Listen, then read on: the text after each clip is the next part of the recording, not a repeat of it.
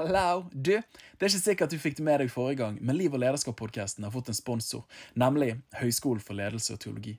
Jeg har personlig studert der og gjennomførte min bachelor der for noen år siden. For meg så var det perfect timing. Jeg kjente på et kall til tjeneste, og HLT var med å gi meg mye av kompetansen jeg trengte for å klargjøre meg. Hvis du interesserer deg for felt som teologi, ledelse og samfunn, så sjekk ut deres nettside på holt.no, og du kan allerede slenge deg med på emner fra januar 2022. Oh yeah! Velkommen til Liv og lederskap med meg, Daniel Sæbjørnsen. Utrolig kult at du tapper inn og lytter. Podkasten der alt handler om å inspirere til sterke liv og store lederskap i Jesus etterfølgelse. Så gjør deg klar til å lytte og lære, så du kan leve og lede enda bedre.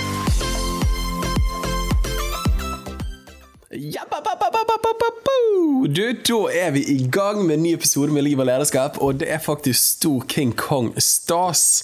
Eh, aldri sagt det ordet før, men det er stor stas at vi gjør den podkasten. Klokken er to over elleve en fredagskveld i Imi-kirken. Beste tiden i uken. Beste tiden i uken.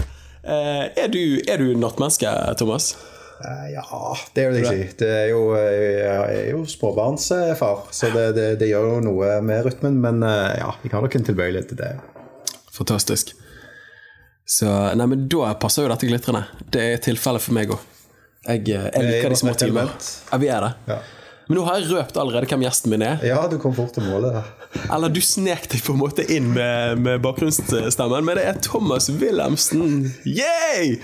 Så dette, jeg må jo si De fleste podkaster jeg spiller, er jo på en måte midt på dagen, god, man er ryddig. Men dette her kommer til å bli mye fest, altså. Det, det er skummelt. Ja. du får bare gi beskjed hvis jeg er litt fremoverlent. Da er det mye ja, det er konge. Det er konge. Jeg, jeg har sittet akkurat på dette bordet før med Egil Elling. Ja. Det var mer ordnede former. Eh, så dette, dette, her kommer til å være en annen dimensjon av patos og spontanitet, vil jeg tro. Eh, men du, er du klar? Let's go do it. Ja. Kom. Å, dette er nydelig. Eh, en liten ingress til å begynne med. Thomas, hvor, eh, hvor, gammel er du? Hvor er du født? Hvor er du oppvokst? Eh, hva likte du på skive når du var liten? Ah, ja, eh, du um, Ja, jeg er 42. Ja, stemmer. Det er det blitt. Um, jeg er født i Tønsberg. Oi. Uh, men har vel uh, Jeg har vokst opp i Stavanger uh, siden fireårsalderen. Og Stavanger-regionen. Um, gift med Anne. Så har vi tvillinger på ni år nå. Joshua Sofie. Ja. Fantastisk. Eh, så spurte om ting. Eh, hva på skiven? Ja. Jeg kommer ikke utenom Nugatti, altså. Jeg, eh, Fikk du lov til å ha det liksom i ukedagene? Eh, ja, men det, dette er jo gamletiden, ikke sant? når vi gikk hjem fra skolen selv, og SFO var en, ikke var en tanke noen hadde tenkt på. Ja. Så da gikk jeg hjem og lagde skive selv. Det sto mellom Nugatti-skive og, og, noe som heter makaronisuppe. da. Oi. Har du hørt om makaronisuppe? Det, høres ikke godt ut. Jo da, jo da, nå skal du høre. Det er altså koke opp melk, varm melk. Ja. Uh, litt kanel, litt salt, masse sukker, makaroni, og så koker du det opp. Og så blir det en type grøt. da. Altså en søt grøt, makaroni-greie. Det er sykt godt tredje gangen du spiser det. Du skal få det neste gang. Ja, ja, neste gang kommer jeg opp til deg. Så uh, jeg er klar for det. det du, det er makaronisuppe. Det tar ikke en helt den retningen du hadde tenkt ta. Det? Nei, men det er nydelig. Det er nydelig. Ja. Altså, her får vi rett og slett uh, kostholdstips. Det tror jeg er første gang i podkasten. Du Thomas, dette er jo litt sånn uformelt, men vi vil bare flytte mikrofonen litt nærmere. Bare ta den ut på kanten, sånn du kan ligge enda mer laidback. Sånn. Sånn, ja. Bra. Eh, du har allerede nevnt sivilstatus. Du har vært gift i tolv hele år. Ja, det har jeg. Hvis vi bare slenger inn spontant siden det året av denne podkast-episoden her, eh, hva vil du si har vært eh, det fremste rådet, eller visdoms, visdommen, til et godt samliv? Oh. Uh, du, eller det, jeg, jeg, vet ikke om det Det, det er sikkert et sånn Jeg, jeg husker et spesifikt råd, og det er Halvor, altså min gode mentor, som ga meg det før egentlig før jeg i hele tatt havna i et parforhold. Han, hadde, han har hatt en sånn, ganske sånn filosofi på gift, meg, gift deg med din beste venn. Ja. Det var sikkert noen sånne nyanser til, til det. men, uh, men jeg kjøpte det. ja. Uh, det kan være jeg må gjøre en ryddejobb nå med Halvor etterpå, men jeg vet ikke. Men, men det Absolutt, altså. Det, det, har noe for seg. Jeg tror vi Selvfølgelig, det er noe med Eros. Men, men uh, jeg har gifta meg med min beste venn, og det er jeg ja. veldig takknemlig for. Um, uh, det har vært en reise å være gift. Det har hørt du som har hatt det veldig tøft. Vi har hatt et veldig, veldig bra ekteskap, men jeg opplever på en kurven peker oppover. Og det tror jeg er noe med det der altså vennskap i bunn, da, er mm. det vi skal fram til, tror jeg. At ja.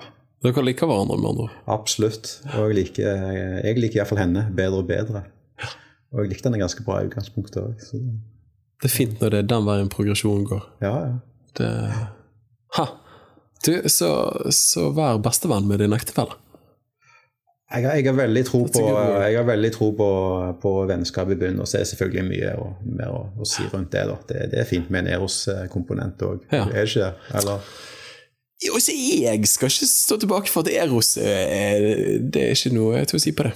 Det er, viktig. Nei, det er viktig. Det var del av ligningen? Det, det, er en del av ligningen. Ja, okay. Det er det. Husker jeg, eh, det tror jeg er noe av det eneste greskene kan, er liksom tre typer kjærlighet husker jeg vi lærte av Kristin Forsyner. Du har eh, eros, og så har du fileo, vennskapskjærligheten, og så har du agapen. Som er Guds kjærlighet. Så jeg føler Når jeg er Guds barn, så har jeg alle de tre komponentene da, i et ekteskap. Det, det, ja, det blir ikke bedre Nei. Nei, det er faktisk helt sant. Du har noe utdannelse, Thomas?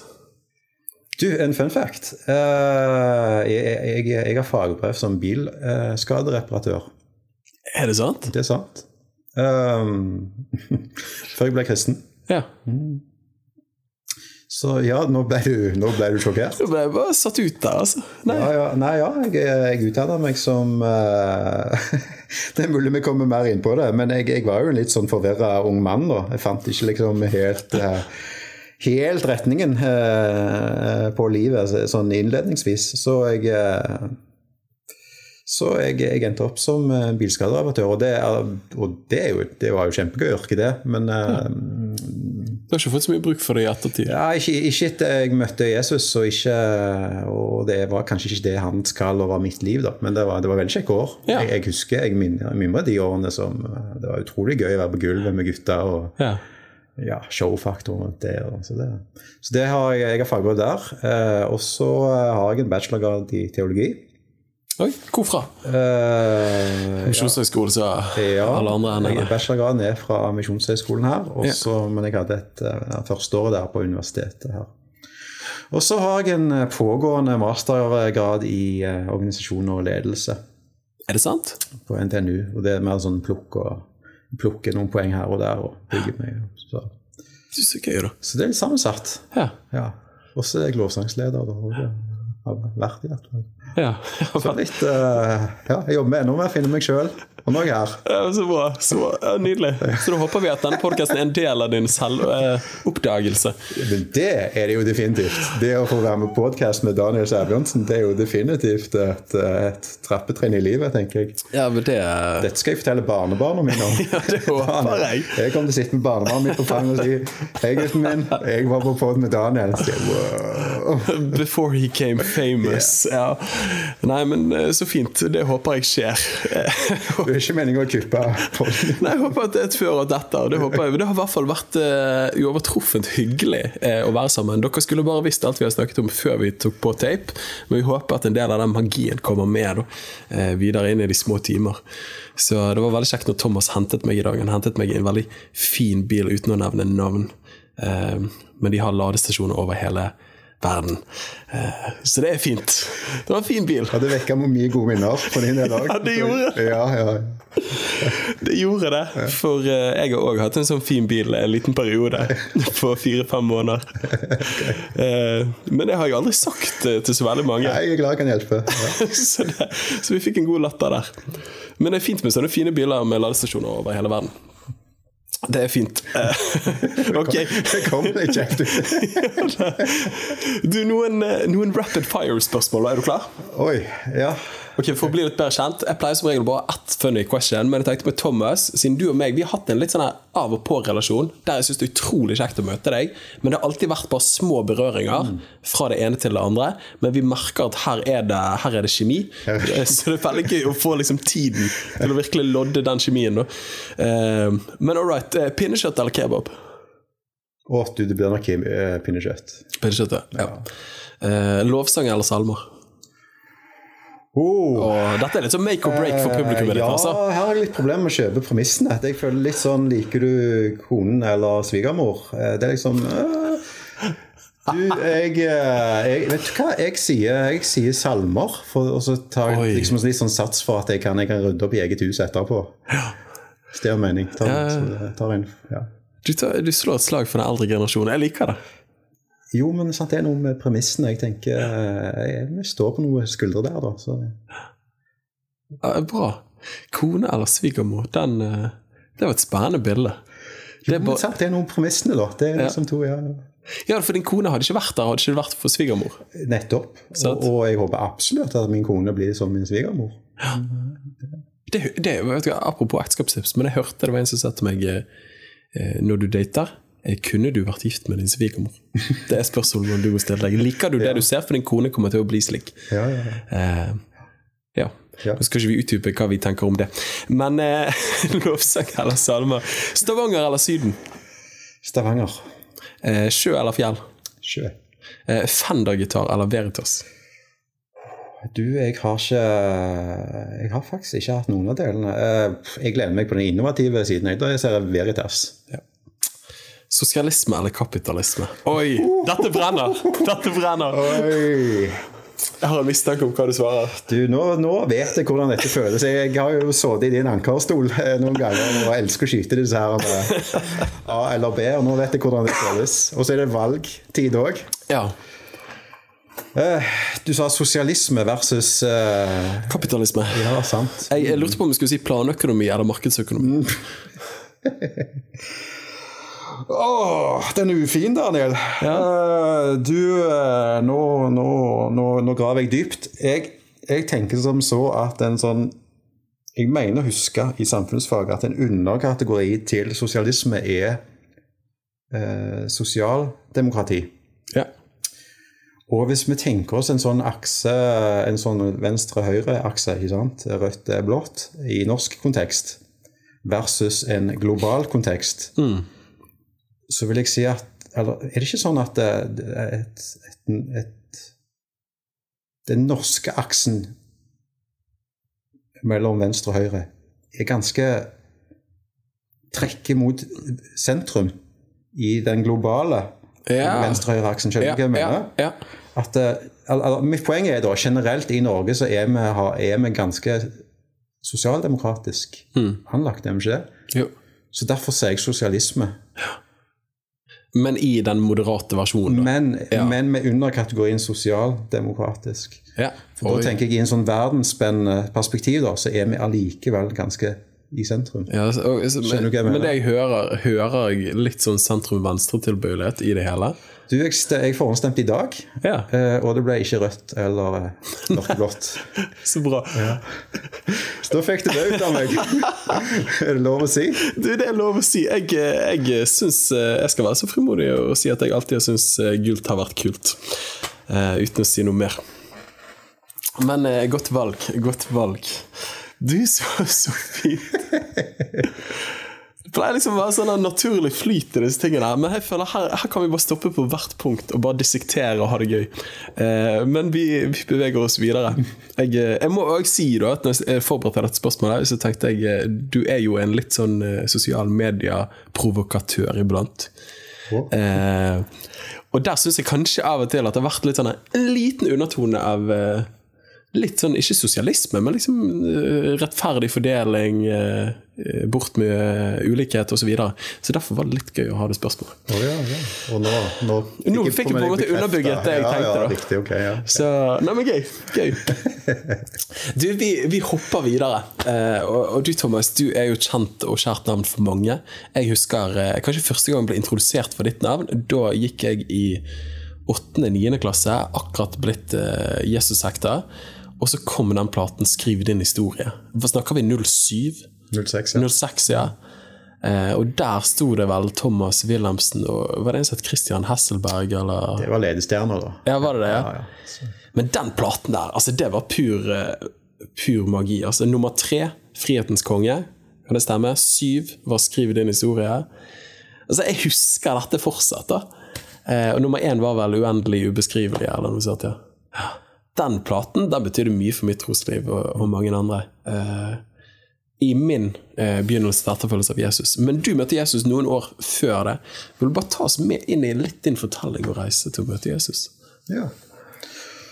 Uh, Det er jo, det er jo artig at vi trakk inn litt sosialisme. Det, eh, jeg, jeg har jo ikke vokst opp i et kristent hjem, eh, og heller ikke det motsatte. Jeg, jeg opplevde kanskje ikke at, eh, at tro var egentlig noe særlig på agendaen eh, hjemme. Så, sånn sett en, en, en vanlig eh, vanlig norsk familie, eh, arbeiderklassefamilie. Um, det er høy verdi på solidaritet. Mine foreldre jobber begge hardt på sitt vis. På sitt vis, jobber hardt. uh, og egentlig begge sidene av familien min er, er nok uh, Ja, er eh, Jeg vet ikke om jeg har lov å si det etter mor, men litt, du er nok litt rød. ikke sant? Så jeg, jeg har nok fått det der med solidaritet og, Ja. og, og ja, solidaritetstanken da, egentlig litt inn hjemmefra òg. Og du er den eneste som er fagorganisert i IMI, har forstått? Nei,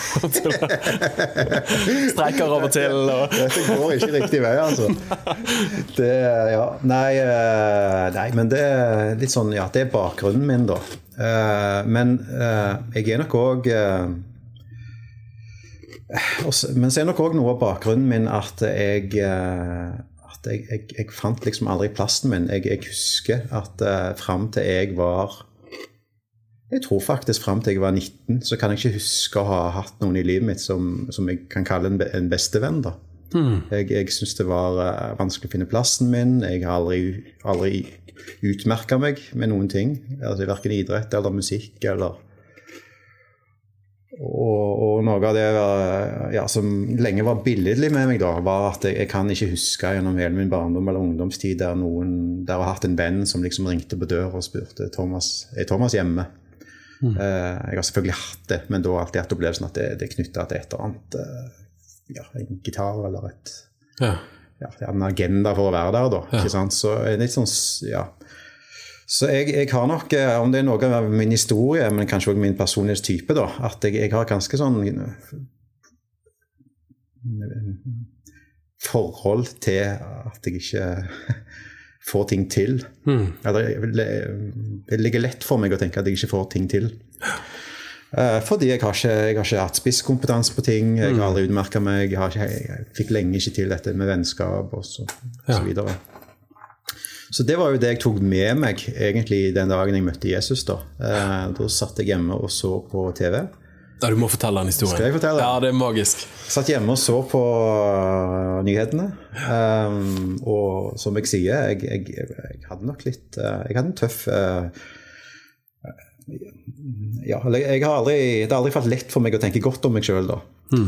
Uh, så jeg sitter hjemme og ser på TV, og så har TV 2 lagd en, en sånn en, en, ja, en kritisk nyhetsreportasje da, om, uh, om Juice Evolution om den kampanjen de har som går, eh, går rundt. Og så, ja, så karikerer den litt, ikke sant, og, og spissformulerer den. Og, og skal få dette til å se virkelig ille ut da, på TV. ikke sant? Og så tenker sitter jeg og ser på det, så tenker jeg dette var jo crazy, liksom. Dette må jeg se med egne øyne. Og så trapper jeg opp der alene. Eh, For da hadde Jesus Revolution Company i Stavanger? da hadde de ikke sant, på dagen eh, en kampanje her i Stavanger. Så tenker jeg, ja, Da går jeg og ser dette med egne øyne. Det er jo ikke som jeg har noe bedre å gjøre. Eh, kommer jeg der og opplever lovsangen. Eh, det slår meg for nummer én, fordi jeg, alltid, jeg har aldri vært en stor musiker. Uh, men, men jeg har alltid brukt musikk som en sånn redskap til å prosessere det jeg føler. da, ikke Ja. sant? Eh, og møtte lovsangen og kjente dette er jo noe helt annet. ikke sant, Mm. Fram til da hadde jeg hørt mye på sånn aggressiv musikk fordi det hjalp meg å prosessere de tingene jeg var frustrert eller sint over. ikke sant? Og så møtte jeg lovsangen som bare Hva er det som skjer i rommet nå, liksom? Ja. Og så husker jeg eh, ja, Stefan Kristiansen forkynner evangeliet. Soleklart, Soleklar, sånn som bare han kan. Mm. Eh, Påfulgt selvfølgelig av eh, den 20-minuttersappellen 20 om helvetesboksen, som bare Stefan kan. Eh, Få helvetesmaskiner ut av hjemmet! ja, ja, ja. Men jeg var, jeg var klar, jeg, altså. altså. Det jeg hørte, var eh, dette, dette er jo det klassiske evangeliet, ikke sant? Det, at, at vår synd, Jesus sitt, eh, tok, sitt, tok vår sted, ikke sant? Ja. Eh, tok på seg vår skyld. Og det, og det traff meg, altså. For jeg, jeg er nok Jeg tror jeg ennå er sånn ganske i kontakt med eh, ja, min utilstrekkelighet. Eller ja, opplevelse av å ikke få til ting. Eh, det kjente jeg igjen i evangeliet. Mm. Eh, og så møter jeg bare Jesus som, som sier jeg, vet du hva, jeg elsker deg. Mm. Eh, jeg vil være en del av livet ditt. Ja. Og så er jo mitt eh, liksom det første jeg tenker, er liksom, ja, ja, men jeg må bare være ærlig med deg, Jesus. Altså, jeg, jeg, kan si ja her og nå, men jeg må bare være ærlig med deg, og det- det er, du, jeg kommer til å skuffe deg, liksom. Og så opplever jeg på en måte bare Jesus i, i mitt indre der og da, at ja, ja, jeg vet, altså jeg vet av ting. Vi skal snakke om det i, i tur og orden. Men se på meg. Jeg elsker deg. Ja.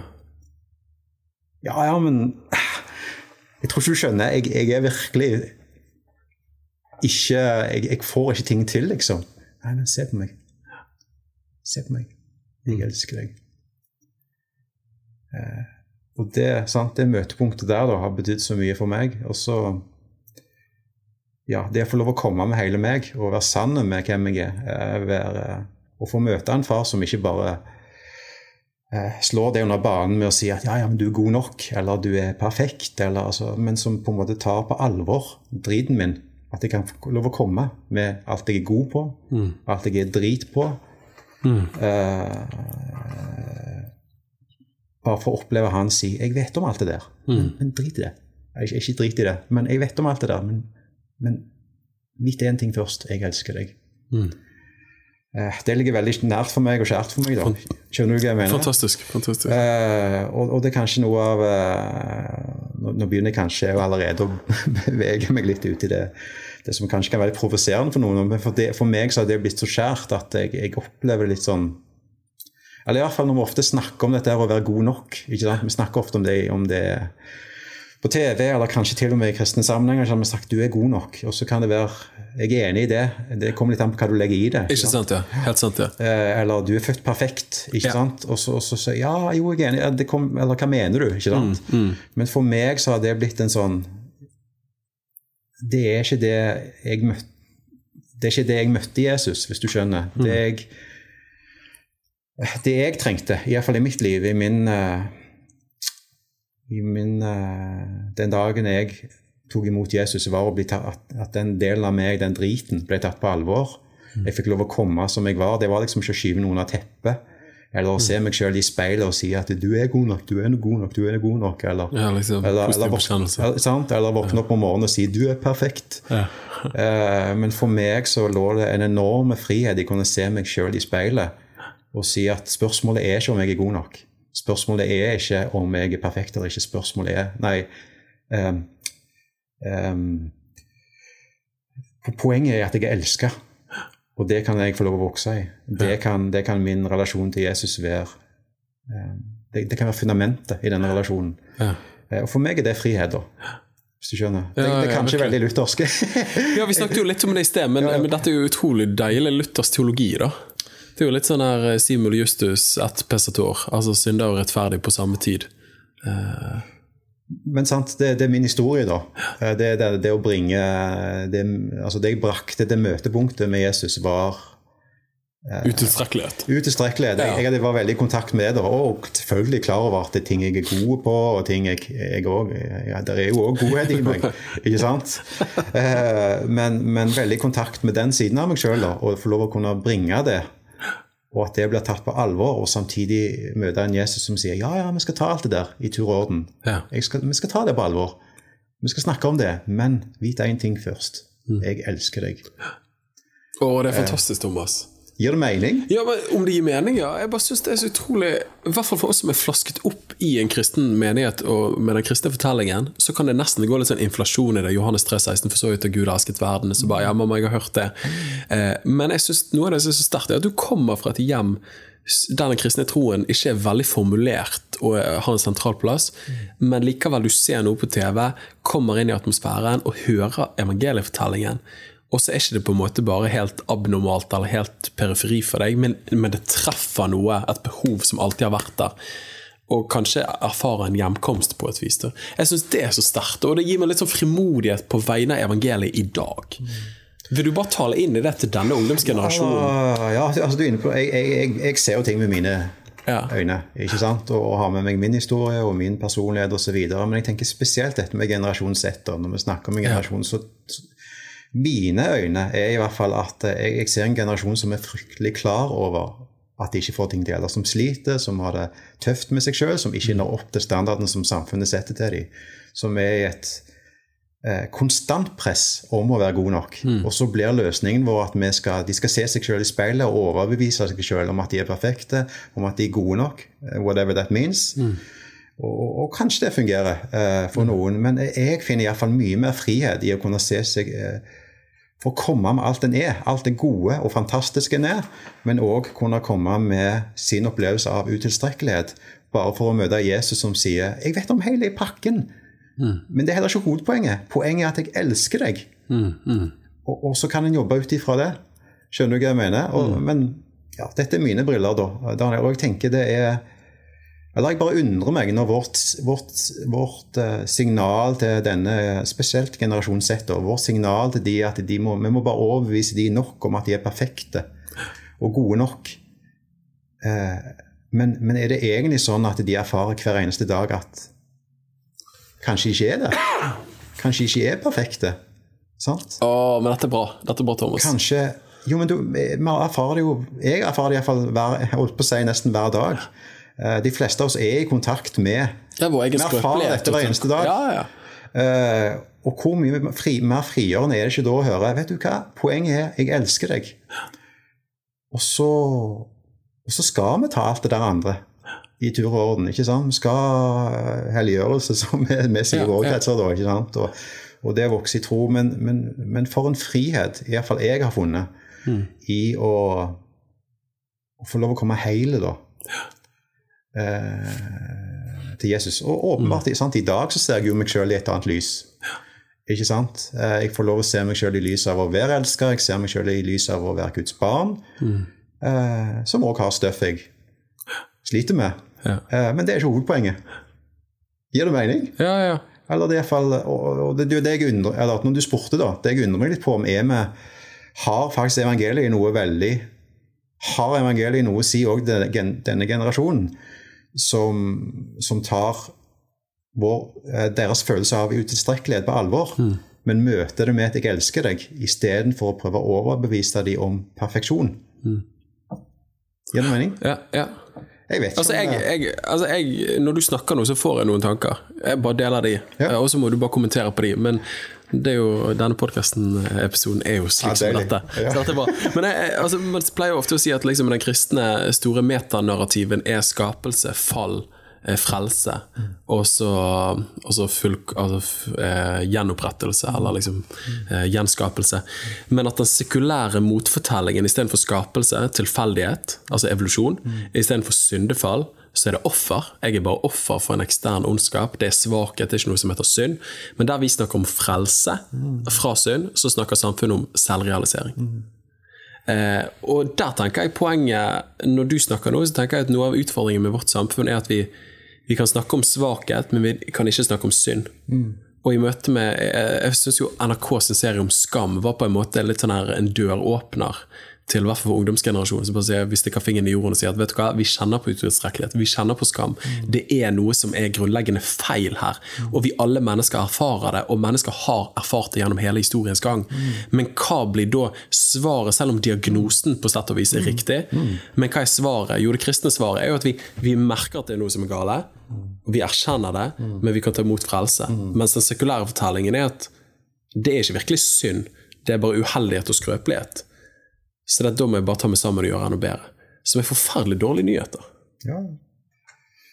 ja, og så blir en eh, Eller det var i hvert fall det jeg kjente på spesielt som en eh, jeg, sant, jeg hadde jo ikke disse tankene rundt dette, men jeg tror det jeg følte som 18-19-åring, til og med før jeg ble frelst, da, at, at, at eh, jeg var uansett blitt um, Min identitet har på en måte blitt komprimert til å, bli, til å være en slags prestasjon, da, eller en, en, en prestasjon som skal veies. Ja. Og, eller i praksis blir veid òg, fordi du Ja. Mens det jeg møtte Jesus, var ikke å være en, først og fremst et prestasjonsobjekt. Jeg var et elska barn og, som, som, som, har godt, og som har dårlig. Ja.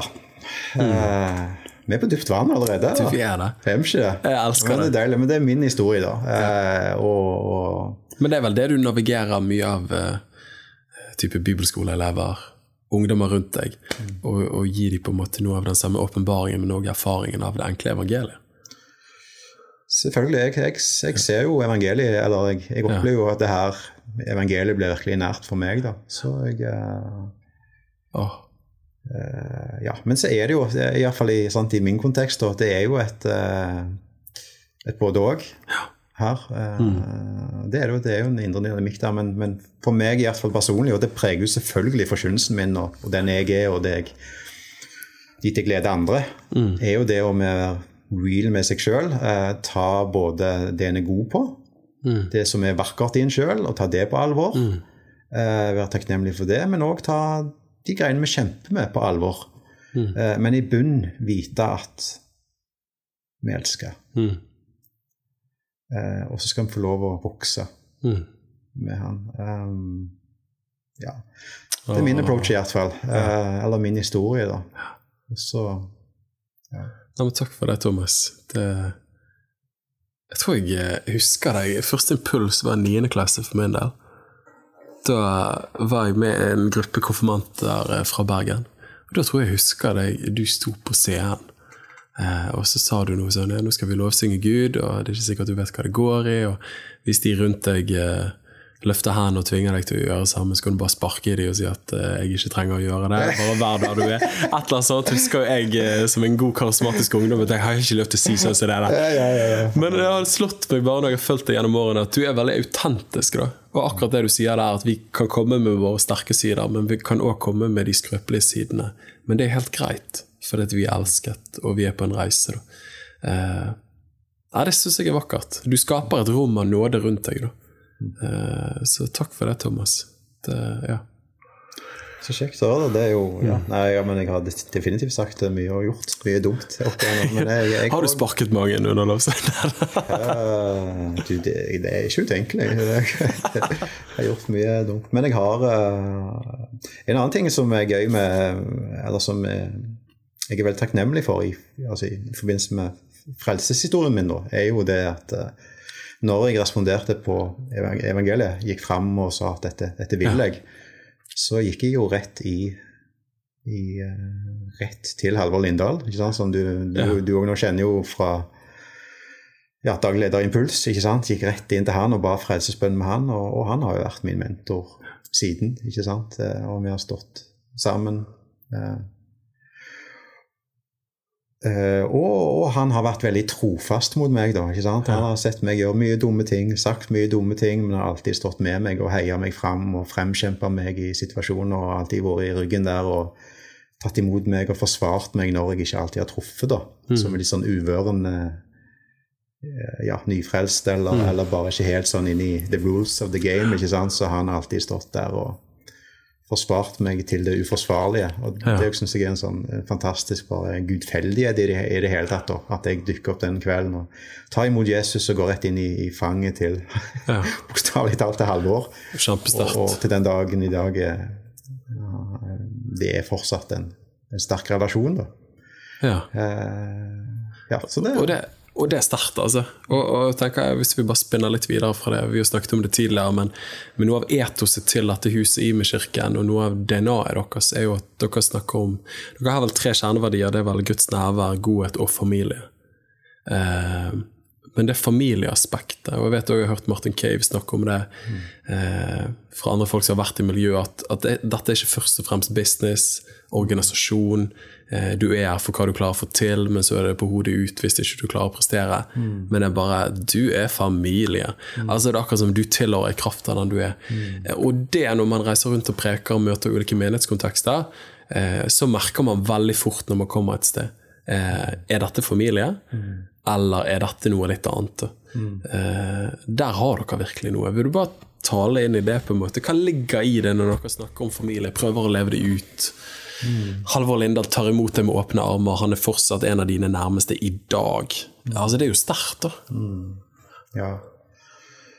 ja, det er klart jeg Jeg òg står jo på ja, flere skuldre her. ikke sant? Ja. Dette er jo, dette er jo ja, egentlig mange generasjoner av, av kultur som er, frem, eh, ja, er fremdyrka, da, så å si. ikke sant? Og eh, ja, Martin, for eksempel, som Martin Cave, som har vært vår pastor gjennom fire tiår, har jo bygd en, en kultur som har demonstrert dette, og, og han, han er jo dette. ikke sant? At eh, har stått veldig ved folk, har satsa på folk. Han er fantastisk til å se, til, til å se gull i folk og stå bak dem, og, og, og gjennom ting der han ja, der han kanskje ser ting litt annerledes. Mm. eller der du Her er iallfall jeg regel, regelrett driter med Gud, så han liksom Han òg har demonstrert en kultur der du ja, men til slutt er vi familie. Ja. Ikke sant? Altså, med, familier kan krangle, vi kan være rykende uenige, mm. men til slutt så er vi familie. Ikke sant? Og, og det er jo en kultur jeg får lov å stå i, da. Ja. Får lov å stå i en sånn, få stå på skuldre.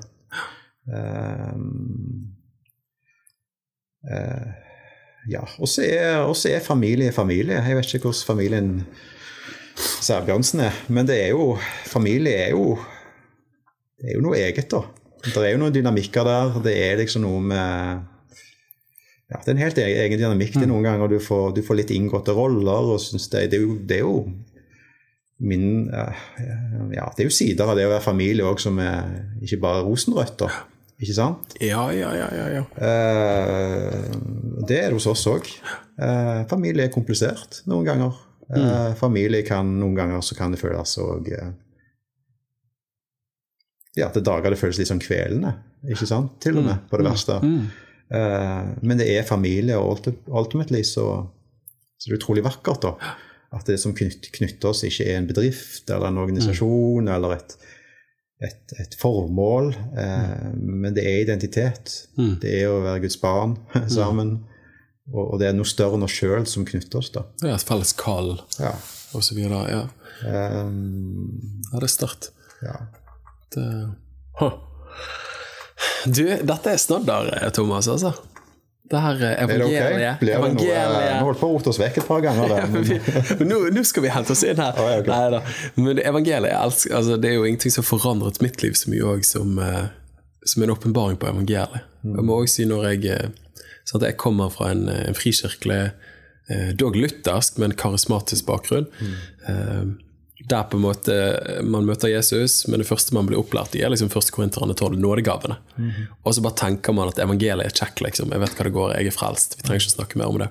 Mhm. Men så går det da fem-ti år, og så plutselig bare sånn Shoot, jeg har jo ikke fundamentet på plass, liksom. Mm. Eh, jeg vet hva kunnskapsord er for noe, og vi kan shabadabadu så det holder, liksom, men, eh, men hva er det vi står på? Og så begynner evangeliet å åpne seg. Eh, for meg var det Det forandret alt, altså. Eh, ja. Så jeg, jeg elsker å snakke evangeliet, altså. så er det Det er selvfølgelig det, det, Evangeliet er, en, er jo også en sånn en gang for alle. Jesus har tatt på seg, ikke sant, og så videre, og en, og en uh, retningsendring. Og så er det jo òg et aspekt med evangeliet som jeg tenker er en sånn en dag, altså dette dette med å daglig ta opp sitt kors, da.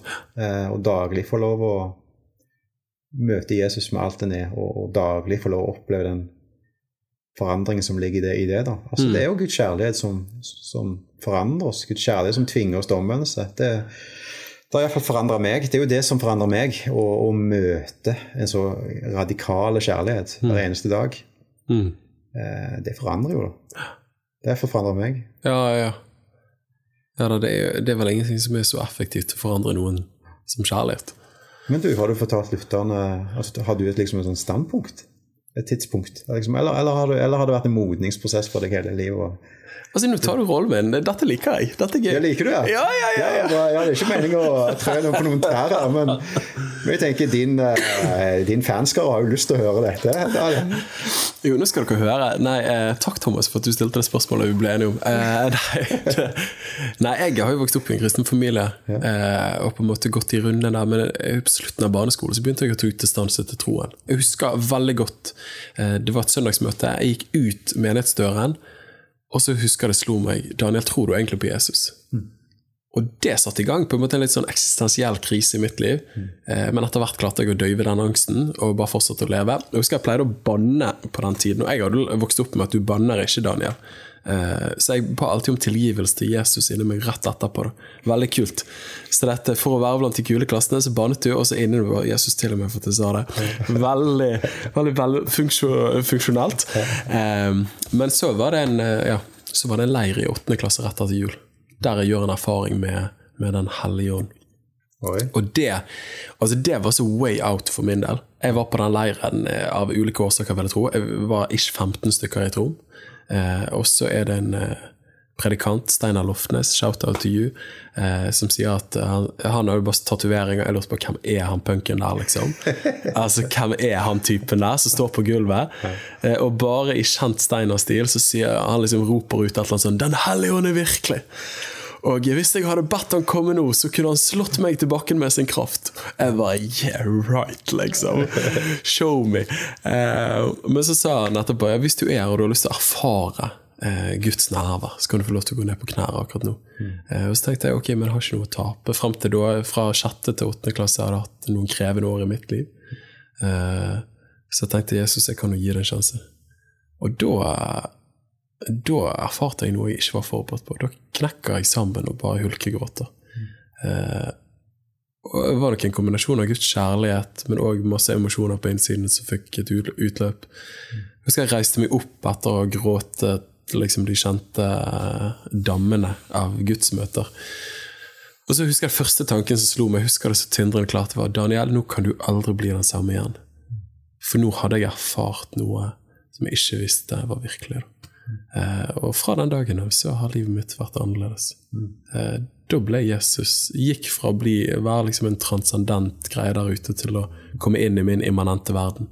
At Gud brøt inn i min virkelighet. Eh, ja. Så the rest is story, history, altså. Det er fantastisk. Ja, er ikke det det? Jo. Det er også deilig. Og din historie, min historie. Og tenk på alle de millioner historier der ute. Der Guds kjærlighet finner eh, brukkede liv og omfavne oss i skrøpelighet.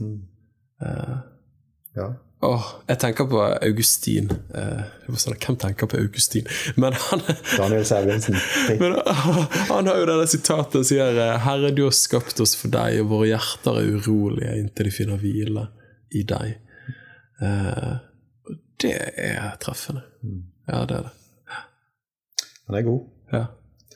Han er god Augustin. Vi pleier jo å, å droppe mye Jesus, Augustin når vi er sammen. Nei, du tenker på Jesus. Ja, jeg tenker for- fortrinnsvis på Jesus, men uh, Augustin var fin, han. Nei, men så fint. Eh, Vil du ha Smash, Thomas? Du, ja det, Smash. det er jo det der å begynne, da. Men uh, Ja, det, Klokken er jo kvart på tolv, så det må være lov. Vi er bare i gang. Ja, vi er bare, vi er bare i gang. Du, Impuls. Vi må snakke litt impuls. Eh, impuls har blitt eh, voksent fra å være en liten baby mm. til over 20 år gammel. Første impuls var det år 2000. Ja. Januar 2000. Januar 2000. Eh, du har vært låsingsleder der i mange år. Nå er du festivalgeneral. Stemmer vel? Hva var, og hva er nerven bak festival? Og kan ikke du bare ta liksom første impuls? Dere forventet ikke altfor mange mennesker. Hva skjedde? Og så videre. Så jeg tror sånn, Her er det jo mye historie bak. da. Jeg, jeg, når impuls Eller jeg var del av ungdomsarbeidet. Eh, Jeg ble frelst, kom rett inn i ungdomsarbeidet i, i 99. Så det er klart jeg også ser jo historien med mine øyne. Jeg var ikke en del av lederskapet da, eller, eller på en måte satt i, i kulissen. Og du må nesten sånn, spørre Halvor. og de for å få den siden av det. Men jeg, jeg var del av ungdomsgjengen som opplevde dette, da. Eh, så vi dro til Soul Survivor. Dette er et halvt år etter jeg ble frelst. Eh, på slutten av 90-tallet så, så var ung- ungdomsgjengen vår i Soul noen ganger.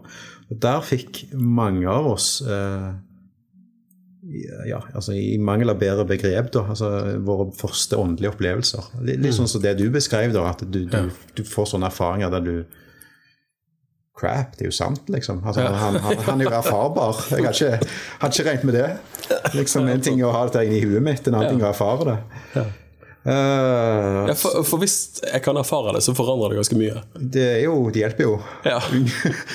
Så uh, uten at sant, igjen, uh, bare for å være korrekt her, uten at vi skal liksom begrense Jesus til en sånn følelse eller, eller erfarbar uh, Det er bra. Men han er jo erfarbar, ikke sant? Uh, så vi kom jo hjem veldig sånn inspirerte, da. Uh, veldig sånn uh, nyforelska i Jesus og tenke at dette må jo ungdomslederen i byen her få, få høre om og oppleve. Og, og, og den som kan hjelpe oss med det, er jo Mike Pelevacci, for det er jo han som har Han sa Den heller jo. Så vi må jo ha han her, liksom. Det er jo, ja. Så med Halvor Lindahl, da, jeg nevnte. Så jeg dro ned med snekkerengelsken sin og, og, og håpte de lengste på få. Han fikk Mike Pelevacci da opp til Stavanger. Det starter altså. Eh, og så inviterte vi noen ungdomsledere, sånn som jeg har forstått det. Og så, egentlig bare eksploderte det litt. Altså, dette var jo nede i, i vårt gamle bygg i Berglandsgården i Stavanger sentrum. Vi fikk lov av brannvesenet var 700 der. Hadde jo aldri, i hvert fall ikke vårt miljø, hadde arrangert noe sånt før. Eh, 300 som aldri kom inn. Det bare Hele greiene bare eksploderte, da. Eh, og, Så råte. Eh, Og Mike er jo seg sjøl. Han, han har jo en helt, helt spesiell gave eh, til å eh, ja, forvalte Guds nærvær, da, så å si. ikke sant? Det å gjøre Guds nærvær ufarlig, det å gjøre det tilgjengelig. Um, eh, så, ja, så det, eh, og, og derfra så tenkte vi at eh, det, dette var jo ting som sånn, altså Første impuls heter jo selvfølgelig Hva, hva kalte folk ting når det var årtusenskifte? Da blir det jo hetende millennium, Ja. som alt annet eh, det året. Så første år vi hadde impuls, så het det millennium. Men Da het det ikke Impuls? Eller Da het det millennium. Ja. For det var jo tenkt som en sånn one night eh, inspirasjonskveld for ungdomslederne i byen, ikke sant? Eh, og så gjennomførte vi det, og så tenkte vi eh, Vent, eh, jeg tror kanskje vi er på sporet nå her, liksom. ja 300 kommer ikke inn. Ja, jeg tror vi har noe å løpe med. vi kom, ja, tok i noe her. Eh, og da er det jo litt sånn tilbake til IMI, eller Indremisjonshistorien, Stavanger Indremisjon sin historie litt i større lys, da, og denne filosofien med å være med på det Gud gjør, altså dette mindsettet. Ja. eh, som Martin òg har bygd. da. Eh, og da blir jo det noen naturlige konsekvenser etter å tenke at her er vi på sporet av noe som Gud gjør. Eh, så, så det er jo ikke strategi som var bakteppet, nå, det er mer sånn å henge seg på det med det bevegelsen vi opplever Den hellige ånd gjør. da. Jo, ok, så tenkte vi vi må gjøre dette igjen. Eh, men vi må tydeligvis tenke større, så vi leide turnhallen, som er rett over, over veien for der vi er nå. Da fikk vi 1500 inn. Wow. Eh, og så flytta vi hit, på Kjensvoll, og, og da gikk det ganske fort opp til 2500, som er kapasiteten vår nå. da. Er det sant, ja? Eh, så det, var, det er litt av sånn helt grovriss av, Ja. av eh, starten, da. Det var jo Mike som på en måte Eller Mike sin tjeneste som bar dette, men så tok jo han oss veldig med inn i inn i hva han gjør. Han ville, han ville, han ville ha Halvor med på scenen og liksom forklarte han hva han tenker, hva han gjør. Hvordan, eh, ja, hvordan forvalter vi gudsnærværet? da? Hvordan skaper vi trygghet i rommet? Eh, og, og ville på den måten disippelgjøre Halvor f.eks. i hvordan gjør vi dette. ja. Og så når jeg tror det var år fire kom, så sa han eh, Neste år er ikke jeg her. Ja. Og da kom vi jo inn i en ny fase da, i vår historie, og vi friker ut. ja, ja. Fordi dette er jo bare fryd og gammen så lenge vi har Mike, ikke sant? Eh, ja. Og så, opplever vi jo igjen å gå på vannet, da. Der man må bære mer av dette selv. Og det er jo òg når Kristian Hesselberg eh, og etter hvert meg da, begynner å gå inn og lede lovsang. Eh, opplever en sånn å gå på vannet-følelse av det, fordi vi ja, Mm. jeg opplever at det holder. Ja. At Gud er tro. Ikke sant? At Gud gjør Ja, at Gud møter oss og Mm. bærer oss gjennom det. Mm. Eh, ja, så det, det er de første årene der, da. Bare en sånn veldig sånn eh, enorme begeistring, og jeg vil nesten kalle det nyforelskelse i Jesus. Bare, bare det en sånn tenker bare få lov å være med på det han gjør, Ja. og, og erfare det. Han møter oss, han snakker til oss, han, han, han helbreder oss, han gjør ting iblant oss. Ja. Utrolig sterkt. da. Så, så det er jo det, de der første årene, da. Så er det jo mye, så er det 20 år historie, ikke sant, som eh, Ja, da, og med trofasthet og opptur og nedtur langs den veien, sikkert. Og, men jeg synes noe av det sterkeste er jo at jeg synes ofte, i hvert fall for de av oss som er veldig visjonære, så tenker vi at ok, jeg ser noe der framme, nå må vi organisere og visjonere for at det skal bli en realitet. Men ofte når Gud gjør noe, så er det tvert imot at dette hadde vi ikke forutsett. Den hellige ånd bare gjør noe, vi må bare komme bak det han gjør. Og der er jo Impuls eh, et utrolig vakkert eksempel. Jeg var ikke klar over at det var liksom startgropen. Jo da, det var, det var definitivt ikke strategi. Jeg er sikker på du, altså, eller jeg, jeg er ganske sikker på Martin òg. Han har iallfall sagt det mange ganger tidligere òg, at det har aldri vært Det er ingenting av den eh, Eller hans filosofi har ikke i bunnen vært og at dette, altså, Han satt ikke for 40 år siden og tenkte ut dette. Ja. Ikke sant? Hans filosofi har hele veien å være Gud, hva er det du gjør nå?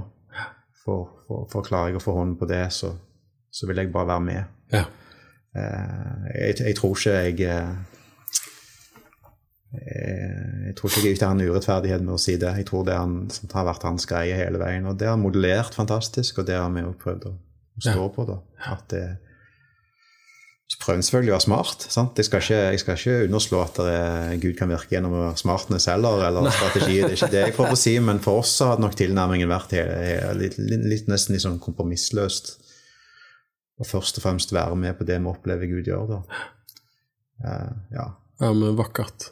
Det, det har vist seg at det ofte er en smart eh. Du støtter? Du støtter. Jeg, jeg støtter det virkelig. Okay. Jeg husker uh, første podkast-episoden med I liv og lederskap, så er det Norad Vaskeland for Kristent Nettverk eller Kristent Fellesskap.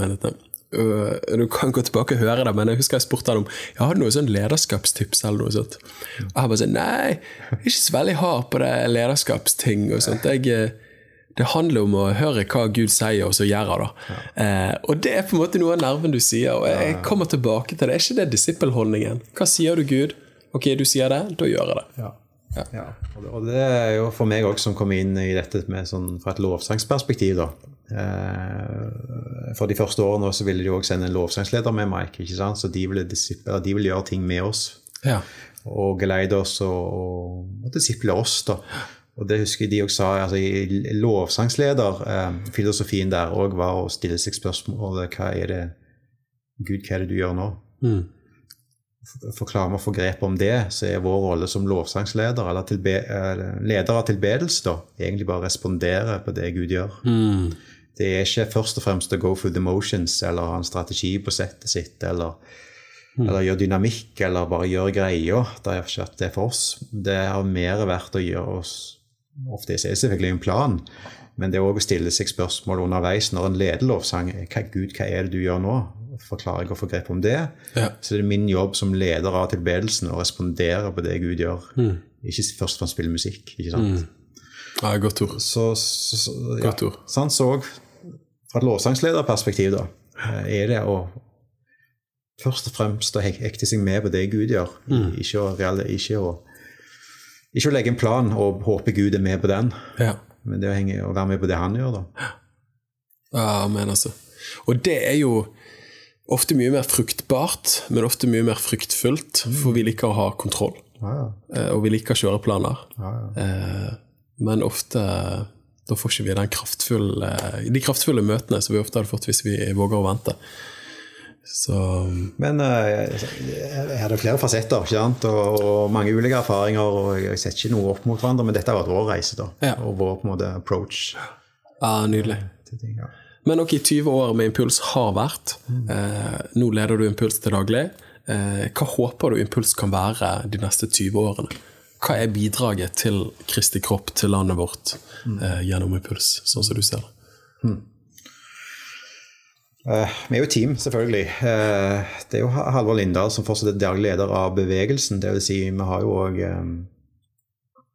Vi har Impuls i, Asia, vi har Impuls i Trondheim og Tromsø. og som han, han overser på en måte bevegelsen, da. Ja. Så er min rolle mer lokalt i, i Stavanger, som sikkert mange norske ungdommer kjenner Impuls for. Sant? Eh, Nei, det er jo det, det korrekte svaret er jo det vi, det vi er innom i stad. Det er først og fremst er vår rolle og, og vårt ønske å være med på det Gud gjør, og så får det være det det er. Ja. Jeg er iallfall litt der at eh, Ja. eh, Det, det får nesten være det det er, men eh, skal det være én ting, så er det i hvert fall at vi skal være med på det Gud gjør. Mm. Så det er jo litt sånn Ja, i bunnen, da. Men jeg tror eh, altså, jeg, jeg husker vi gjorde Vi hadde et sånn et, et type skifte, eller kall det en modningsprosess, eller eh, rundt eh, ti år, Mm. eh, husker jeg. Der eh, Og dette høres litt sånn pretensiøst ut, men jeg husker eh, når Impuls var ti år ca. Så gikk vi eh, jeg klarer best å beskrive det som en sånn greie, en prosess der du går fra å, å være sånn forelska i kjæresten din, eller, eller forelska, til liksom jeg, jeg tror jeg elsker vedkommende. Mm. Dette høres potensiøst ut, men det var sånn det føltes. Eh, så, sånn er det kanskje i en del sånn forhold vi har til en partner, da, der du liksom du oppdager at jeg tror jeg er på vei over i en fase der jeg går fra å være forelska til å elske Mm. noen. Og sånn var det litt for oss med Jesus, tror jeg, der vi gikk fra å være bare sånn skikkelig hypa på Jesus og det alt han gjorde, og måten han fikk oss til å føle oss, og Ja. den der greia, til, til, til du går over i en ny fase, der du jeg, jeg tror jeg elsker Jesus, liksom. Og, og da, men da begynner du å stille deg andre spørsmål. Da er det ikke først og fremst hvordan det får, deg, får meg til å føle meg i nærværet til personen, eller, eller hva jeg kan få ut av det, eller, eller, hva, eller hva det skaper i rommet. Men da begynner du, du begynner å stille deg spørsmål hva, hva, bet- em, hva hadde glede av vedkommende? Mm. Hva, hva, hva gleder Jesus? Mm. Hva betyr noe for han? Hvordan kan jeg hvordan kan jeg gjøre noe som, som setter smil på hans ansikt? Ja, bra. Ikke sant? Bra. Eh, og, og det, kanskje vi var treige, da, men det tok oss, iallfall meg, ti år liksom å komme over rusen da, Ja, ja. og innse at dette er i ferd med å bli noe virkelig dypt i meg. Og Grunnen til at jeg sier dette, er fordi, og jeg tror det gjaldt flere av oss i Impuls, eh, at, at Og det har jo med rettferdighet å gjøre, da, at jeg føler med, det, var, det er gøy å spille sangene, det er gøy å være i Guds nærvær og kjenne på fellesskapet og kjenne på at eh, alt det vakre Jesus gjør i oss. Men så kommer du til et punkt der du begynner å føle deg nesten litt sånn feit kristen. Mm. Skjønner du? Der du bare sitter der og du bader i Guds nærvær, og det er flott. Men så kommer du til et punkt der du Hva var det Jesus sa om de der han bryr seg om? Sa ikke han noe om de fattige og de trengende? og Kanskje Kanskje vi skal gjøre noe mer neste år enn å bare synge sanger til han, liksom? Ja. Kanskje vi skal vise vår beundring til han med å gjøre noe for noen som han, vet, som han, han bryr seg om. da. Så vi var i en prosess der, da, ikke sant? der det, det, det går fra å være en litt sånn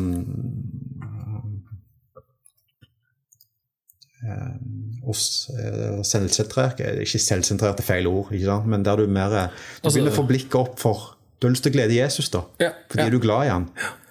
Og du er ikke lenger ute etter rusen av Jesus, men du er ute etter å ære han. Jeg og, kunne gi noe tilbake. gi noe tilbake. Ikke sant? Ikke sant? Eh, og da begynte jo den tanken om hvordan kan vi Vi skal fortsatt gjøre lovsang, vi skal fortsatt være i Guds nærvær, men kan vi bringe liksom noe Ikke sant? Da begynte jo disse versene i eh, er det Matteus 25. ikke sant? Altså han, han, han, han identifiserer seg med de trengende. De fattige, de i trengsler, de, eh, de sultne. Mm. Uh, så, så kom det opp en idé, da. Jeg, jeg tror det var Sondre Høysæter som, som da var Som hadde den rollen jeg har nå.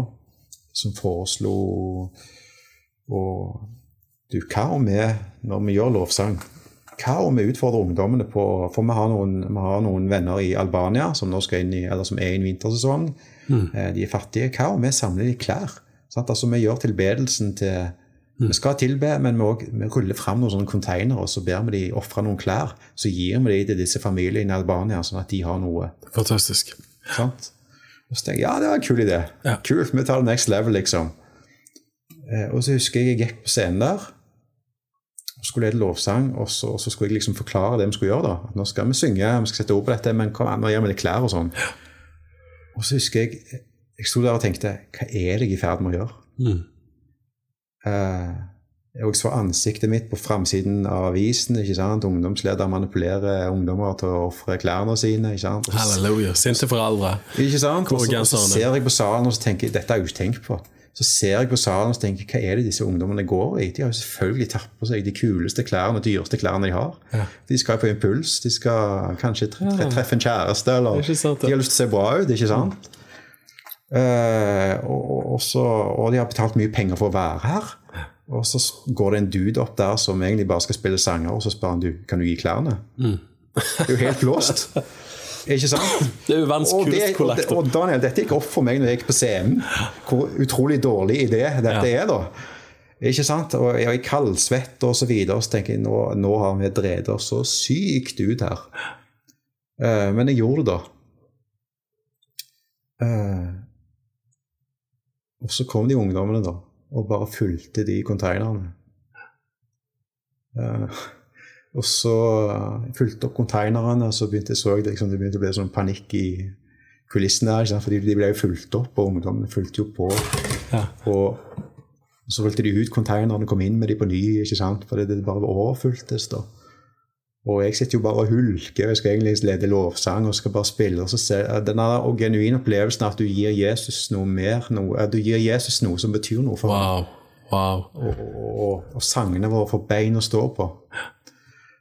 Eh, og det var jo og det har jo vært viktig i vår historie, da. Eh, fordi fordi sang, sangene våre Eller tilbedelsen vår må være noe mer enn Det skal være sanger og ord og toner og musikk, men det skal òg være noe dypere. da. Vår tilbedelse, vårt offer til Han må være noe mer.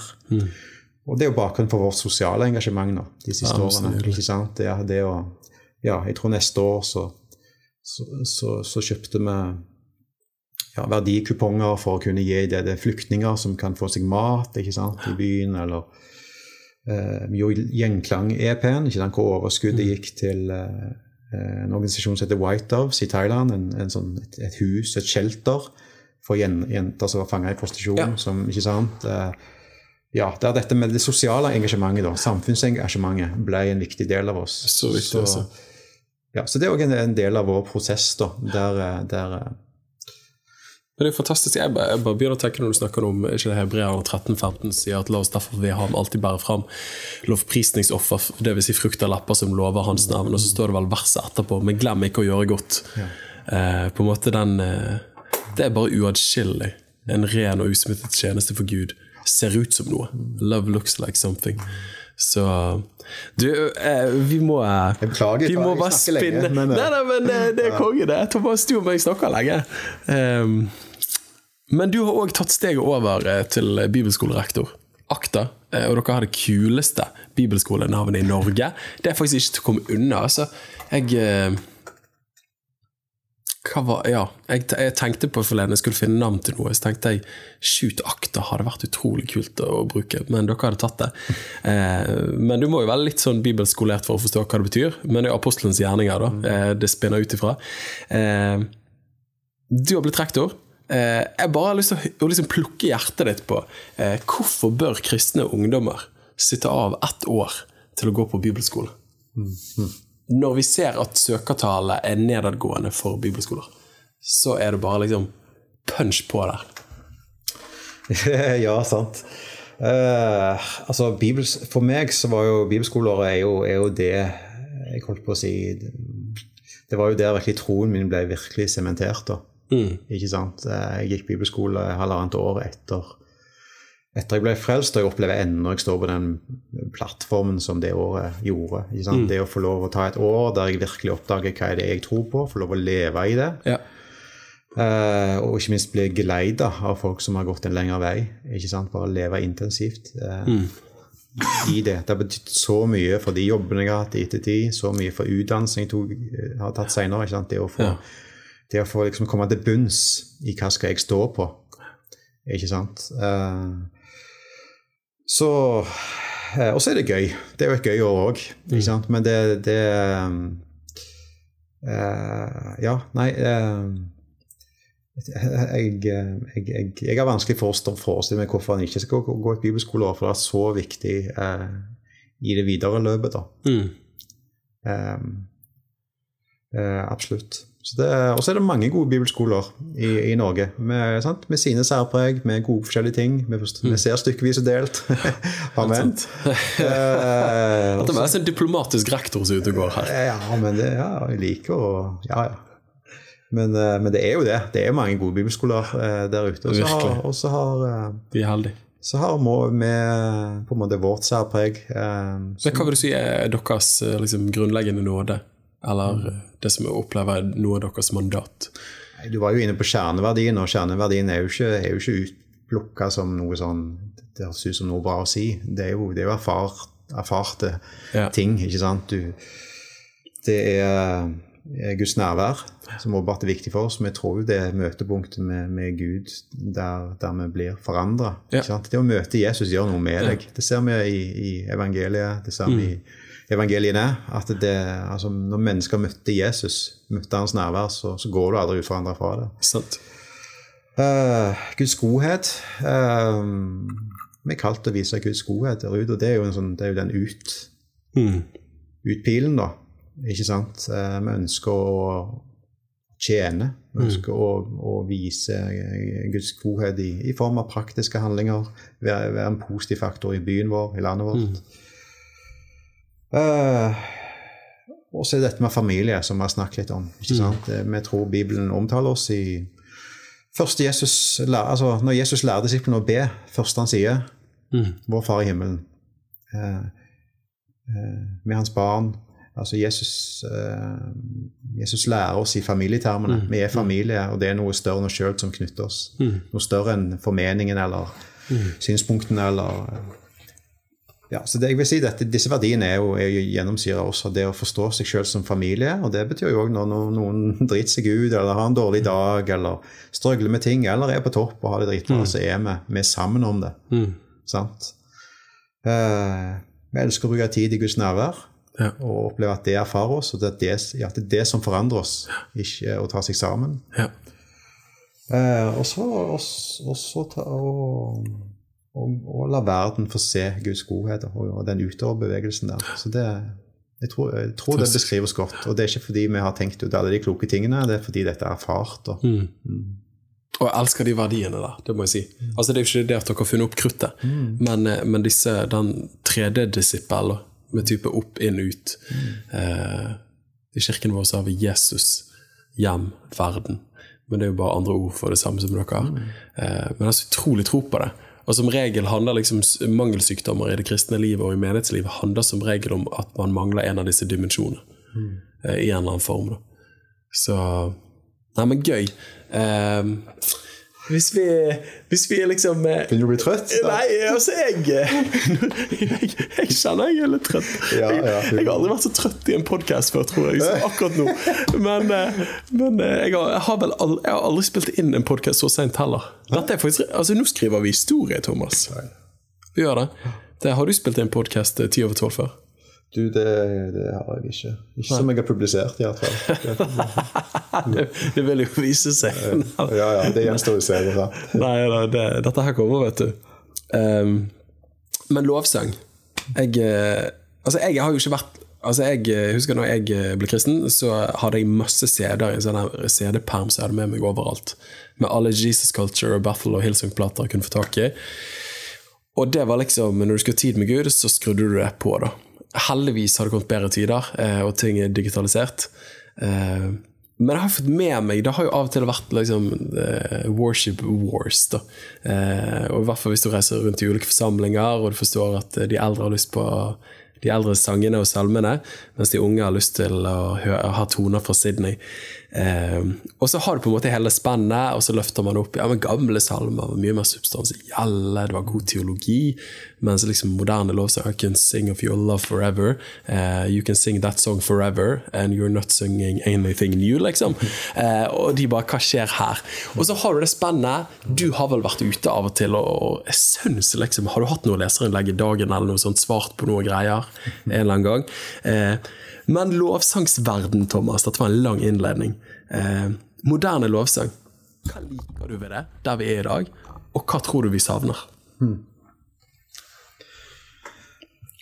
Uh, oh, dette er jo en stor ball. Nå blir det seint. Uh, Du kommer sparkløs, da. Nei, det um, Vet du hva, jeg, jeg, jeg kjenner så mange fantastiske overgitte mennesker i ja, det som vi gjerne kaller den moderne lovsangstradisjonen. da, ikke sant? Eller, eh, som er overgitte, som ønsker å gi Jesus noe som koster noe. Eh, eh, og, og, som skriver og skaper sanger som forandrer liv. da, ikke, altså det, ja, Du skjønner, ja, altså sangen i seg sjøl forandrer jo ikke liv, men sannhe, sannhetene de bærer, forandrer liv. Uh, og, og jeg, jeg, jeg, håper jeg har fått lov å være med, være med og, hatt en liten bit av det. Og kunne oppmuntre til å finne sin egen lyd. da. Mm. Og sette sine egne ord uh, på gamle sannheter. Men òg putte sine egne ord på egne erfaringer. Ja. Uh, ja, det gjør jeg, og det tror jeg vi har. Jeg opplever òg at den, liksom, den, moderne lovsangen har hatt en, har hatt en, en, en modning òg, da. Det, det syns jeg. Jeg, jeg synes det jeg, jeg, kan skjønne den argumentasjonen eh, hvis en holder veldig sånn fast på um, ja, den store brytningstiden der, da. Mm. Ikke sant? Uh, du nevner I Can Sing Of Your Love Forever. Den er veldig sånn uh, enkle, um, repetitive greier der. Men jeg opplever det litt sånn ufair å, å, å, bruke de karikaturene i dag, da. Opplever at det er en modningsprosess rundt dette. Mm. Og, og, og, på tvers av uh, miljøet. Mm. Opplever et helt annet sted der nå. ikke sant? At jeg, jeg, har mange venner fra, i andre, i andre trossamfunn som ønsker å stå sammen. at der er vi, sant? Når jeg begynte, så satt vi jo vi satt på vår hump, og så kom Ungfil-laget noe, og så tenkte vi at ja, de rippa av oss. ikke sant? Og så ja tenkte jo de det samme om oss. Ja, det, det er en type rivalisering der. ikke sant? Den, jo, den opplever jo jeg godt opp. Altså, nå, altså Det er fantastisk klima mellom lovsangslærer ja, og miljøet ja, i Norge? Det, ja. det opplegget jeg i hvert fall er på et helt annet nivå nå enn det var for 15 år siden. At der er Musikerne kjenner hverandre, lovsangslederne kjenner hverandre, heier på hverandre, støtter hverandre. Der har det skjedd mye flott. altså. Ja, så nydelig. Uh, og, men òg modning på tekst, syns jeg. Og det, og det, tror jeg òg har noe med at det for oss som nå begynner å bli gamle og tynne i håret at uh, Jeg så på det underveis. Du begynner å bli litt Ja, absolutt. Det er en grunn til capsen ofte på. Uh, men òg at du Eller Jeg opplever nok at min generasjon, Daniel, var Eller dette er spissformulert, og det ja, Nei, men vi liker sånn, jo det. Sånn er jeg. Det funker sikkert bra i media så, så, opplever jeg at en av kjennetegnene på, kanskje på min generasjon, eller en av, en av akilleshælene til min generasjon, var at definisjonen på et godt ungdomsmøte var at foreldrene våre ikke var der. Mm.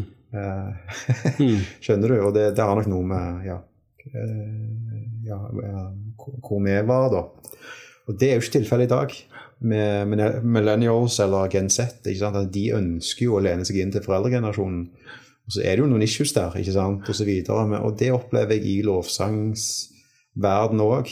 At mm. eh, 16-, 17-, 18-, 19-åringene de ønsker en relasjon til oss som er 42. Mm. Eh, ønsker å skrive sanger med oss, ønsker å lære, ønsker å få støtten der. Det, så der òg har det skjedd utrolig mye flott. Mm.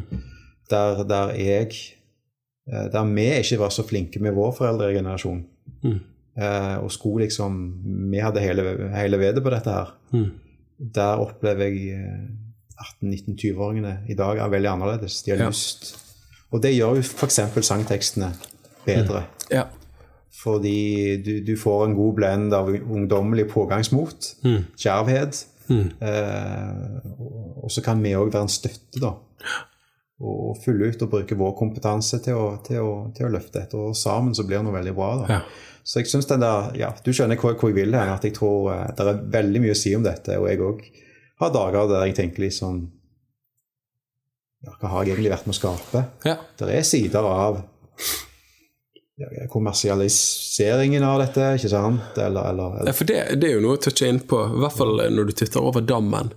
Eh, altså Corporate America, Corporate Christianity America, er jo på en måte en egen størrelse som ikke er helt overførbar til Norge. Men når du på en måte begynner å få sånne Doe Awards, der du på en måte har den kristne versjonen av uh, Grammys og Emmys osv., så, videre, eh, så kan du av og til få litt sånn feelingen bare sånn ah, Dette er litt klamt, altså.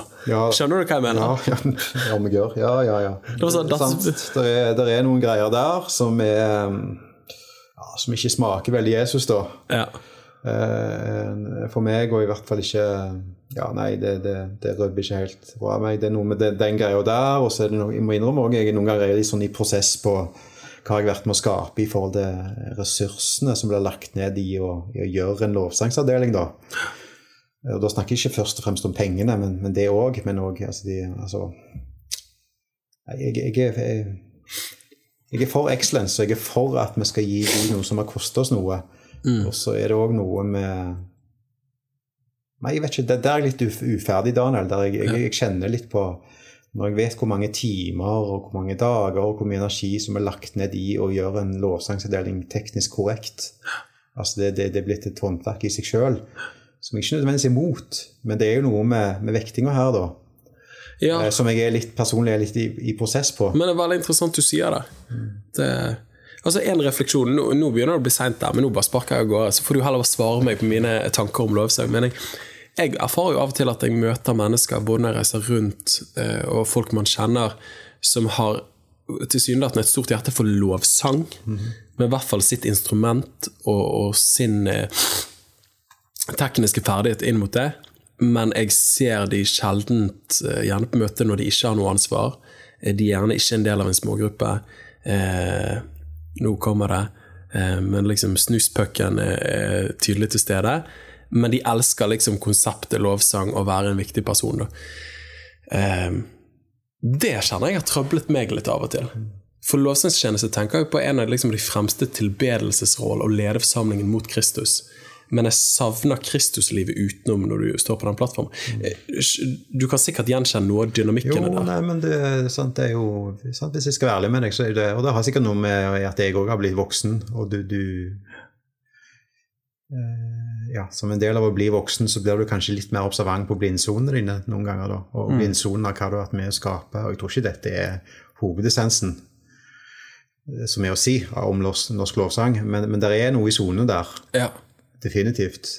Eh, og det er noe i sonene med at, lovsang har ja, nest, eh, nesten blitt en greie i seg sjøl. Ja. Ikke sant? Og det går ikke på intensjoner eller hjertene nødvendigvis til folk, eller noe sånt, men det er, men det, ja, det er noe med vår iboende Noen ganger eh, iboende evne til å finne avguder, da Mm, mm. og miste litt blikket for hvem som egentlig er mottaker her, mm. og hvem vi skal tjene, og, og hvem vi egentlig er begeistra for. Ja. Jeg gir det for musikken, og jeg elsker å spille musikk, og det er ikke noe galt i det heller, men det er noe med balansepunktet, da. ja.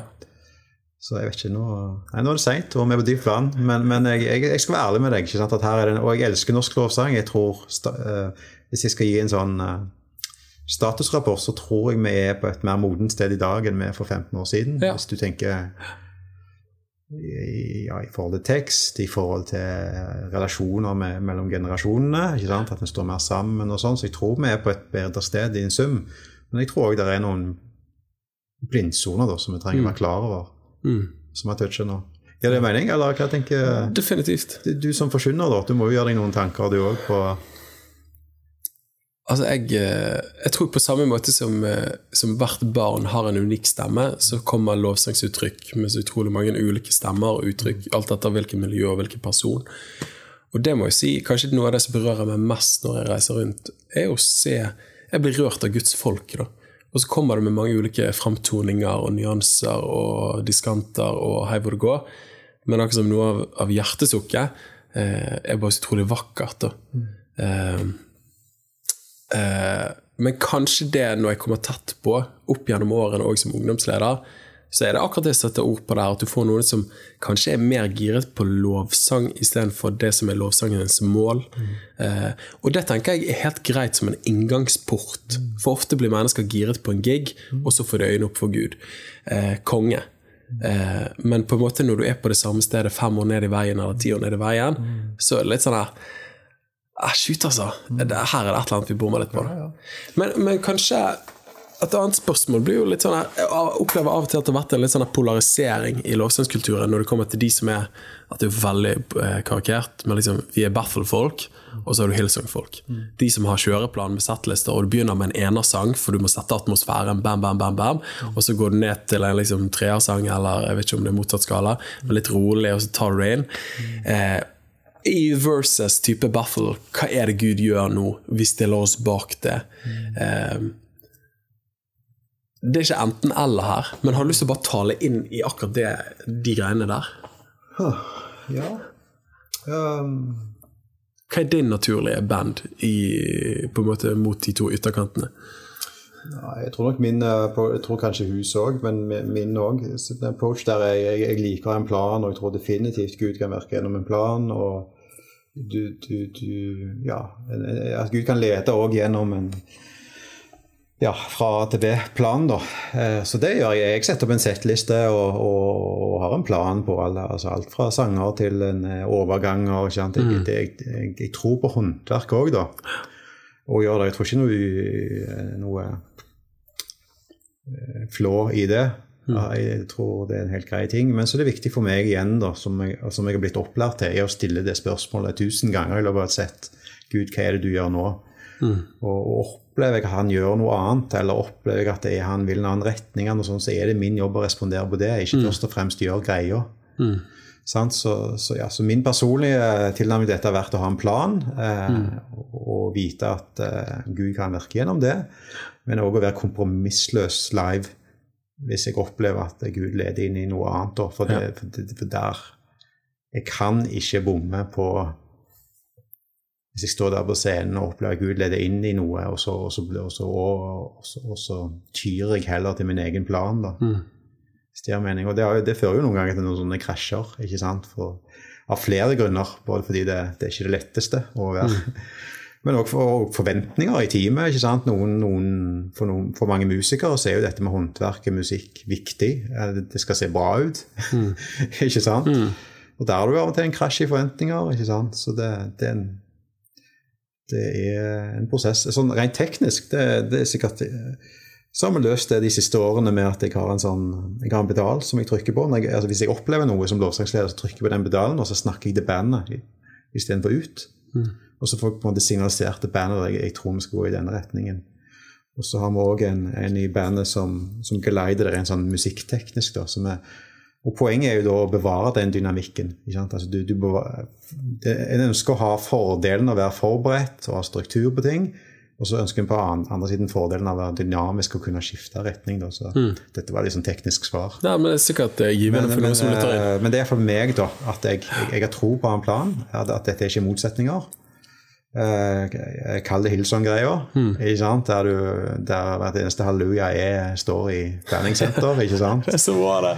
Eh, jeg har tro på eh, Gud eh, virker i det, men jeg har òg tro på at eh, jeg syns vi skal være kompromissløse hvis vi opplever Gud komme i rommet og, og gjøre noe annet. Og. Ja. Ah, så bra. Eh, vet ikke om det er svar på det du spør, men Jo, det har vært min eh, Det, eh, Ja. Jeg elsker jo den tilnærmingen der, og jeg tror det er- sånn med så mange ting i Guds rike at det ikke er enten-eller, og vi taper så mye hvis vi går på en måte i en skyttergrav. Men heller si her er, her er det sannheter i spenning som er svaret. Uh, ja. Så er det, men det, det er kanskje det er noe av det du tar skinn om. Jeg tror det er viktig at vi ikke lar håndverket bli viktigere enn mottakeren. Ja. Ikke sant? Vi skal gjøre et godt håndverk og gjøre faget vårt godt. Eh, men, hvis vi, men hele poenget er jo å putte et smil på Jesus sitt ansikt. Skjønner ja, du? vakkert. Vakkert. tenker jeg. Ja, det, det ligger jo i hele sakens natur. Er det, er det allsang, er det konsert, eller er det lovsang? Tilber vi. Eh, tilbedelse har jo alltid den andre som sitt siktemål. Eh, Så dette, det er jo en lakmustest både som for oss predikanter og ledere og lovsangere. Men tenker vi mer på oss enn på han som mottar, så røper det vel kanskje at det kanskje er mer sang enn lovsang. Eh, For, vår, for vår del av og til. Og forkynnelse er mer til meg enn til han. Eh, ok, men et funny question, da, før vi begynner å bevege oss inn mot enden etter hvert. Men eh, hvilke av dine lovsanger er du mest fornøyd med? Oi um, Jeg kan fortelle en fun fact uh, først, da. Og det er jo at altså i Jo, jeg tror uten unntak når, jeg, når låten er ferdig, altså når jeg, når jeg har skrevet måte min skisse ferdig, da, eh, så er jeg som regel drittlei de låtene. Og dette er jo før ting går i studio. For ikke snakke om før de blir utgitt, og før de skal spilles. Eh, og det tror jeg er unntak liksom, er tilværelse. Og det, ja, det handler jo selvfølgelig om å, å jobbe med ting osv., men jeg, da er jeg som regel, drittlei ting. Og når vi har vært i studio og spilt inn ting eh, Jeg putter aldri på mine egne sanger, liksom. Nei. Nei. Uh, det høres sikkert veldig ydmyk eller det er litt sånn falskt ydmykt ut, men det er ikke det. Men jeg er bare drittlei av dem. Ja. uh, men jeg tror jeg håper og tror de er, sant, er inspirert, og de kommer jo definitivt fra et liv. Uh, Ja, ja. Og de har betjent veldig mange mennesker. Så og så har alle sin egen historie. Det ligger noe bak alle. Fra ja, fra sanger som eh, 'Hjelp meg, Jesus, jeg har kjærlighetssorg', ikke sant? til eh, så, så dyp en kjærlighet, dette møtet med Guds farskjærlighet, ikke sant? Eh, Ja, for Så dyp en kjærlighet, den var ført i pennen av deg. ja. Altså, den sangen, Thomas. Altså, når den kom Altså, det, For meg var det bare helt vilt. Altså, Den sangen har betydd masse for meg. Eh, men jeg husker jeg tenkte at Jeg har tenkt så mange år dette må være den beste lovsangen som noen gang er skrevet på norsk. Altså, true story. Altså, Dette var så flipping bra, da. Eh, men den sangen er spesiell, altså. Du kan være enig i det, kanskje du? Altså, Det var noe med den sangen, og det han førte med seg. Altså, jeg skjønner jo, jeg skjønner jo den, har, eller den har jo betjent, tydelig. Altså, men uh, jo, et fun fact om den, da, Daniel, er at den eh, altså Når vi gir ut album eller EP-er, så har vi jo ofte en sånn Vi legger masse sanger i import, ikke alle skisser i import, og så, så har vi en sånn nesten demokratisk greie på hva opplever vi liksom er Ja. er verdt å gi ut. da. Ikke sant? Og denne var en sånn import eh, forut for eh, denne for alltid trofast-EP-en.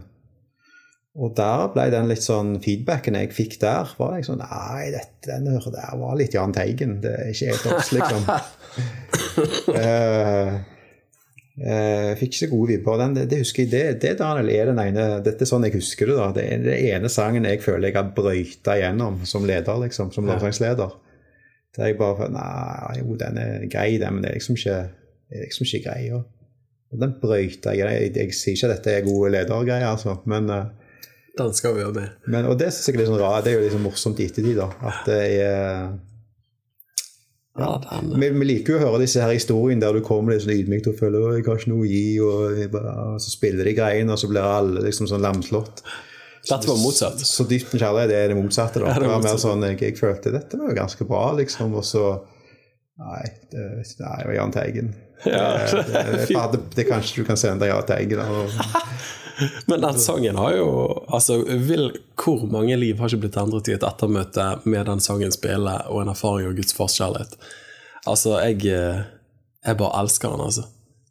sant? Så, og så er jo det vakre også med lovsang at det, det, sannheten er jo ikke noe som er skapt i min hånd. i sant? Eller det, er jo, det er jo, sannheten den bærer, er jo selvopplevd og selverfart. Og, og det er ikke Ja. sant? Det er jo Men jeg må stille et spørsmål inn mot bridgen på den sangen. Altså, Nå begynner det å bli seint her. Men hun synger. «Og Gud, jeg faller ned.